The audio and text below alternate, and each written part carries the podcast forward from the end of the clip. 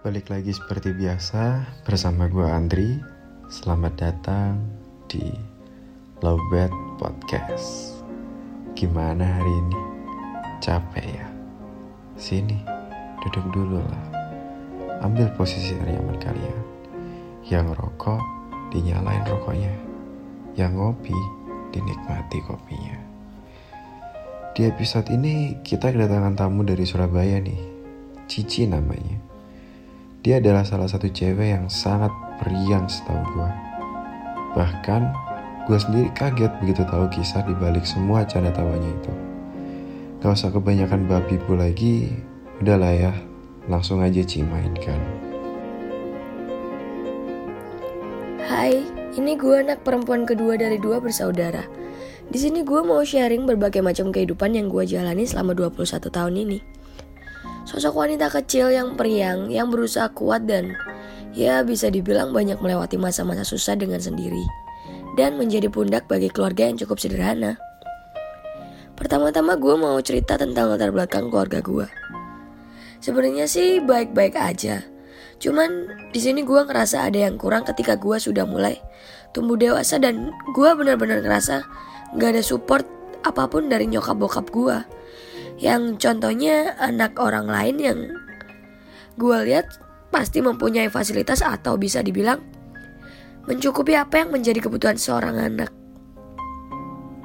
Sebenarnya gue bukannya menuntut atau bagaimana, cuman ngerasa kenapa orang lain bisa dan gue nggak bisa ngerasain hak yang harusnya gue dapat.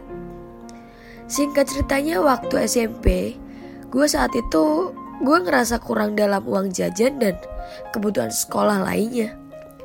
Pada waktu itu juga gue mulai memikirkan bagaimana cara gue buat dapetin uang jajan lebih banyak dan akhirnya gue memutuskan untuk berjualan makanan di sekolah tanpa pikir panjang. Dari sana gue mulai sadar kalau cuma hanya sekedar menunggu pemberian dari orang tua dan tidak melakukan hal apa pun sama aja gak ada hasilnya alias zong. Dari sini gue makin mandiri dan makin bisa cari duit sendiri dan mulai mengenal lingkungan baru yang bisa dibilang nakal dan liar. Makin ke sini makin gue mulai nyobain ngerokok, minum, minuman alkohol, dan bahkan pulang malam karena yang saat itu gue rasain bebas dan banyak uang yang gue hasilin sendiri. Dari gak punya HP sampai gue punya HP sendiri, sampai bisa mencukupi kehidupan gue sendiri, bahkan Bahkan sampai uang jajan gue udah gak pernah minta lagi sama orang tua gue. Makin ke sini makin gue bebas ngelakuin apa yang gue mau. Mulai gak pulang ke rumah, bahkan sampai berhari-hari. Karena ya gue lebih betah di lingkungan luar dan banyak yang lebih welcome sama gue di luar sana. Makin gue lebih mengenal lingkungan di luar, makin bebas pengetahuan gue soal dunia malam yang liar dan kehidupan di luar sana. Tapi belum berhenti sampai di sana. Gue masih bangga bisa berbijak di atas kaki gue sendiri tanpa harus ngamen dan minta-minta di jalanan.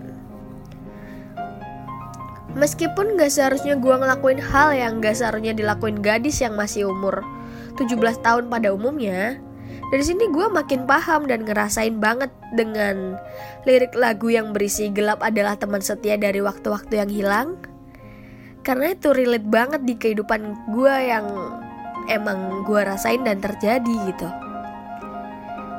dari yang nyokap gue sering berantem waktu gue SMP dan kakak cowok gue yang keras kepala dan susah diajak komunikasi dengan baik pada saat itu karena dia memang introvert dan you know lah semacam gamers gitu. Kurangnya komunikasi gue sama mereka bikin gue makin nyaman dan gembira berada di luar rumah seakan-akan rumah di luar lebih menyenangkan. Tapi raut wajah gue yang begitu ceria dan seperti tidak memikirkan apa pun sangat bisa diandalkan untuk menutupi rasa sepi yang gue hadapin saat itu. Bahkan sampai sekarang, gue susah banget buat nangis karena sesuatu hal keadaan yang kecil atau masalah masalah apa pun yang sepele gitu, gue nggak pernah bisa langsung menangis gitu. Setelah gue lulus SMP dan melanjutkan ke SMK, gue memilih meneruskan di bidang pastry bakery karena dari SMP gue udah gemar banget buat bikin kue atau seneng bikin makanan ringan.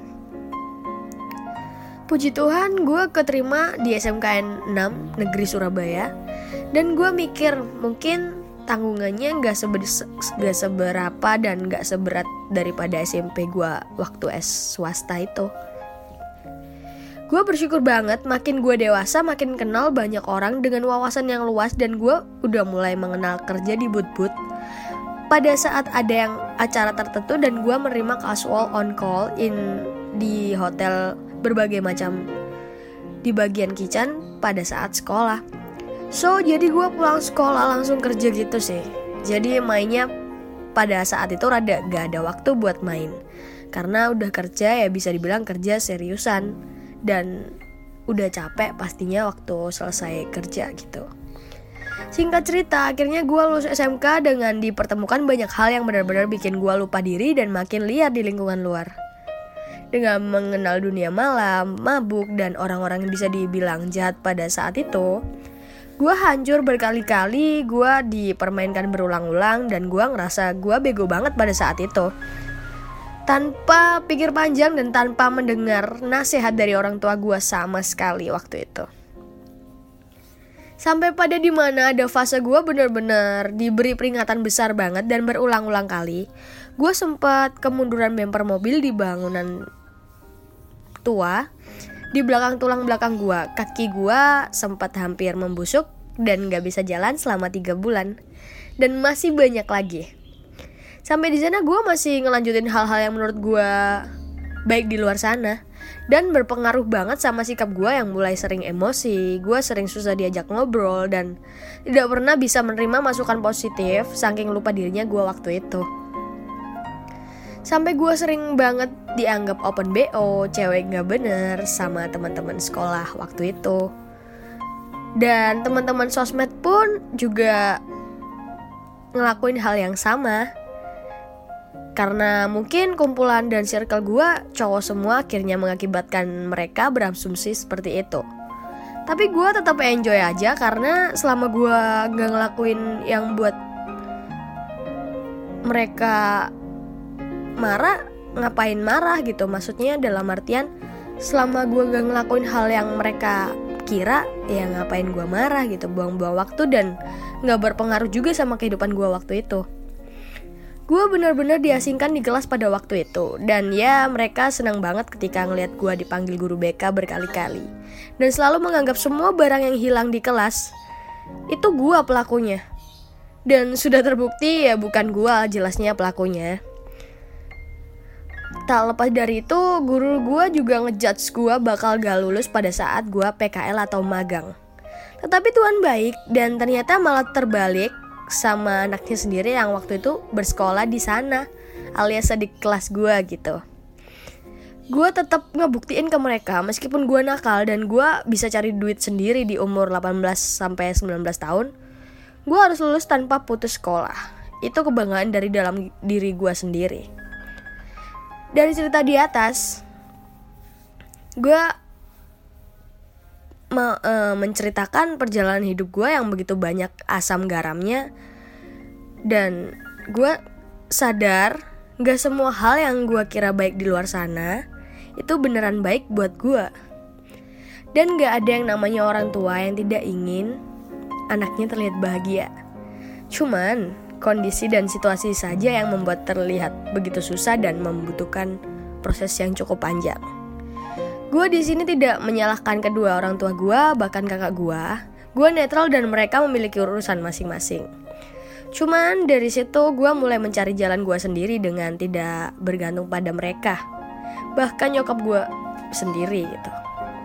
Karena kalau menunggu pemberian dan menyalahkan keadaan saja tanpa kita melakukan apa-apa hasilnya pun nihil gitu menurut gue sih dari sini gue udah ngerasain fase di mana gue nakal, gimana gue survive dengan kehidupan dan keadaan. Dan dari sini gue belajar banyak soal kehidupan. Ke depannya gue harus fokus dengan ngelakuin apa yang berguna bagi kehidupan gue. Ke depannya lain kali hal yang bermanfaat bagi diri sendiri dan yang terutama love yourself first. Thank you Andre udah ngeluangin waktu buat gue sharing di sini dan terima kasih buat teman-teman yang sudah support sampai sekarang. Dan segini dulu cerita yang aku sharingin ke kalian. Udah mau kalian dengerin dan see you next trip. Have fun around.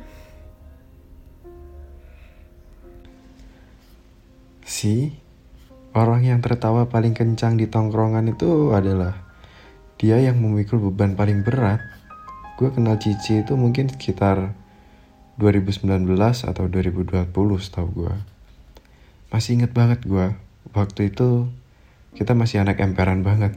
Gaya elit, ekonomi sulit kalau kata anak sekarang. Mau dugem aja harus patungan 10 orang, dan per orangnya itu 100 ribu. Cuma buat bisa buat dugem dan open botol. Kita harus se-effort itu buat dapetin itu semua. Tapi by the way, kenapa judulnya rumah tapi bukan rumah? Rasanya gak perlu gue jawab, kalian juga udah pasti ngerti kan ya? Kan kalian juga ngerasain. gak yang bercanda. Buat kalian yang punya keluarga cemara atau minimal strict parent, bersyukurlah.